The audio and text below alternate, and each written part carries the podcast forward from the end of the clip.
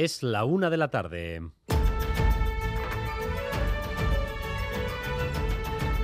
Crónica de Euskadi con Dani Álvarez. A Rachaldeón, la pista de despegue para la unidad de siglas en torno a Yolanda Díaz queda pavimentada. Las bases de Unidas Podemos ratifican con amplísima mayoría la posibilidad de un pacto, aunque va a ser un pacto que no satisface a nadie al 100%. Quedan 12 horas para registrar la coalición y bajando.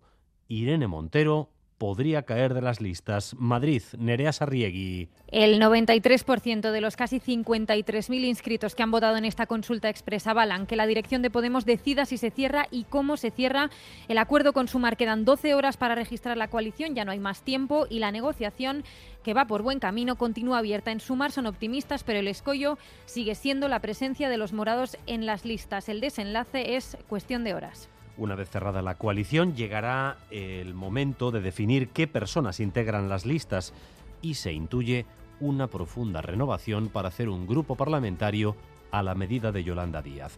El resto de partidos, mientras tanto, toma ventaja. Este fin de semana van a perfilar todos sus listas. Bueno, todos no. El PP está también a la espera de que Feijó marque su impronta, que lo hará también aquí. Y Manuel Manterola. Es Génova quien da luz verde a, las listas, así que el PP Vasco aguarda una decisión tras la renovación en parte que supuso Feijo en las anteriores elecciones. Lo previsible es que se acentúen las listas para el 23 de julio, con la duda de si Bea Fanjul, Javier Maroto e Íñigo Arcauz, candidatos en 2019, responden a esa onda que llega desde Madrid. Por lo demás, en el caso del PNV y H. Bildu, continuidad en sus caras más visibles y el PS renueva sobre todo Guipúzcoa con Rafaela Romero. Ocho días para la constitución de los ayuntamientos. Hay algunos lugares donde tendremos emoción hasta esa misma mañana. Sin duda, uno de ellos es Pamplona. El mediodía del sábado 17 promete muchas emociones. El PSN deja definitivamente la pelota en el tejado de Euskal Herria Bildu porque confirma su disposición a activar la opción Z. Coldo Martínez, alcalde, para evitar la alcaldía de UPN para el Partido Socialista podría ser factible. Siempre hemos dicho que nosotros no queríamos votar ni a Joseba Sirón ni a Cristina Barrola, pero que también decimos con, con claridad que no queremos que gobierne UPN esta ciudad, que no gobierne la derecha. Por lo tanto, estaríamos abiertos a posibilitar un gobierno municipal con otro partido, aunque tenga menos votos que nosotros, pero con tal de dejar a la derecha fuera del gobierno municipal de Pamplona. Ayer Ercoreca invitó a los sindicatos de la Archaincha a retomar las negociaciones, pero para hacerlo los sindicatos deben retomar el control interno. Ahora mismo están reunidos precisamente con el grupo Erchañas en lucha. ¿Firman o no firman la paz? Xavier Madariaga.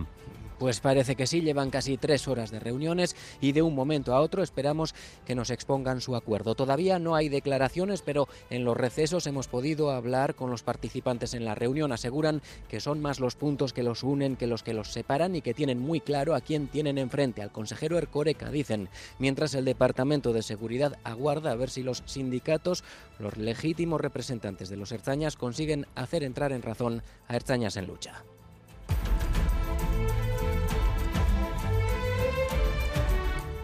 22 días para el inicio del Tour. El despliegue de la carrera, además de Archañas, necesita de un ejército de voluntarios para hacer todo tipo de tareas. La afición al ciclismo en el país motiva que haya cientos de personas dispuestas a ejercer como tal, pero necesitan más de 1.800 y no llegan. Irache Ruiz. Si no han reclutado esas personas que necesitan, entre otras razones, porque las federaciones y los clubes, molestos por la falta de recursos para las carreras locales, se han negado a echar una mano. De momento ya se ha publicado una amplia oferta de trabajo. Se buscan señalizadores a 10 euros la hora. Los organizadores del Tour han tenido que prorrogar hasta el domingo el plazo de inscripción de los voluntarios y no descartan alargarlo aún más. En Estados Unidos, Donald Trump sigue marcando la agenda y haciendo historia. Ahora se ha convertido en el primer expresidente que es imputado por cargos federales. Óscar Pérez. Siete cargos federales le imputan a Trump, entre ellos conspiración, obstrucción a la justicia, retención dolosa de documentos de seguridad nacional, falsedad y violación de la ley de espionaje. Todo ello por llevarse documentos secretos de la Casa Blanca, guardarlos en su mansión de Mar-a-Lago y ponérselo difícil al FBI para recuperarlos. El expresidente niega las acusaciones. Soy un hombre inocente, no hice nada mal, lo voy a probar muy pronto, ha dicho Trump, responsabilizando al gobierno Biden pretende impulsar su persecución judicial. Esta imputación se añade a la de los sobornos a una actriz mientras se le investiga por presionar en el recuento electoral de Georgia y su papel en el Capitolio. Trump podría pasar el próximo año más tiempo en los juzgados que haciendo campaña. El peinado de Trump podría ser una variante del look que por aquí se conoce como Cayetano. La EBAU de este año ha sido noticia también por un comentario de texto que iba sobre esta tribu urbana, los Cayetanos. Algunos se ha dado por aludido por aquí, pero no demasiados. Entendemos completamente que hay alguien que se haya ofendido. Pues si no les gusta lo que aparece, que hagan un comentario personal en contra. Yo escucho por ahí que incita al odio, no sé qué. Sin más, está pues dando su opinión. Siendo tema selectividad así, que vas con los nervios leer eso, pues como que te relaja un poco, te, te hace, yo qué sé, reírte un poco mientras lo estás leyendo.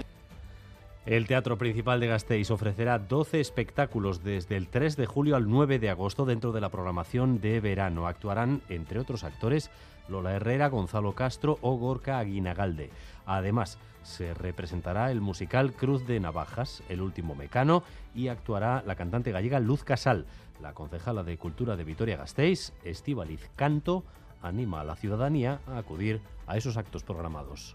Es el momento de disfrutar por todo lo alto con comedias divertidas, un musical de altura y también varios conciertos para recordar.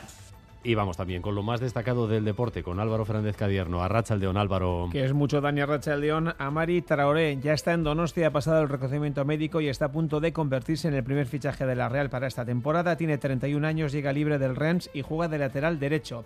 Acabamos de conocer también que Gaisca Garitano ya no es Mister de Leibar. Los armeros caen anoche por 2 a 0 en Vitoria, por lo que tenemos a la vez a dos partidos de volver a primera. En el Athletic John Uriarte ha subrayado que Ñigo Martínez sí tenía oferta para continuar, pero fue el jugador quien dijo que no a seguir en Bilbao. Y en el Mundial de Trail de Austria tenemos ahora mismo a Aritz Egea, tercero en la prueba ultra en el Ecuador de la carrera.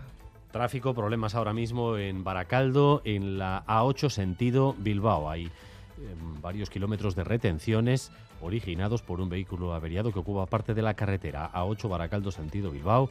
Problemas para circular en esa zona. En cuanto al tiempo, según Euskalmet, hoy se esperan de nuevo tormentas y chaparrones por la tarde, aunque por la noche volverán a abrirse grandes claros.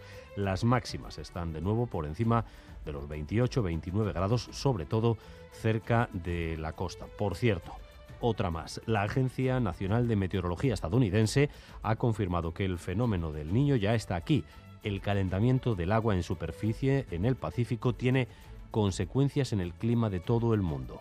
Y estas van a ser fuertes lluvias torrenciales, inundaciones y sequías. Se prevé que el fenómeno dure hasta la primavera del 2024 y junto con el calentamiento global que convierta los próximos meses en los más cálidos de la historia. Podría aumentar la temperatura un, grado y medio en todo el mundo. Un grado y medio más debido a este fenómeno conocido como el niño. Gracias un día más por elegir Radio Euskadi y Radio Vitoria para informarse. Raúl González y José Ignacio Revuelta en la dirección técnica, Aiciber Bilbao en la coordinación. Crónica de Euskadi con Dani Álvarez.